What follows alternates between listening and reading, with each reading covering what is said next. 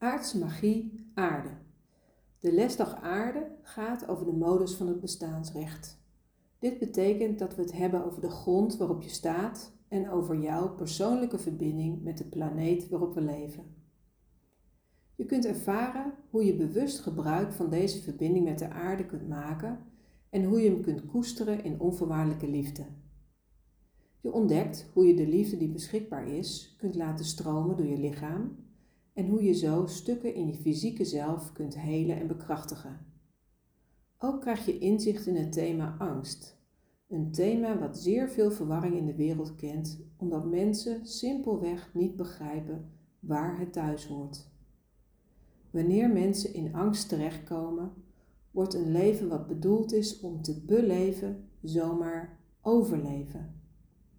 Wanneer dit gebeurt, raken mensen gemakkelijk verstrikt allerlei zaken die niet bijdragen aan hun groei en ontwikkeling. Het leven kan dan zomaar voelen als een enorme last waar je maar niet van los lijkt te komen. Onze verre voorouders waren specialisten in dit levensgebied.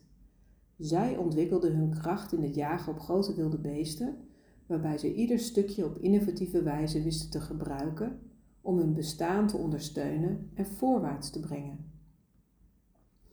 Veel van de dingen die zij allemaal uitvogelden, zijn ook vandaag nog ten volle in gebruik. Maar we leven niet meer in 70.000 jaar voor Christus. Overleven op die manier is echt niet langer nodig.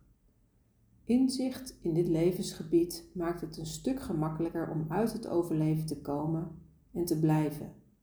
Dat scheelt heel veel energie en geeft dat je jouw aandacht naar andere levensgebieden kunt brengen levensgebieden waar je meer zin en voldoening uit kunt halen.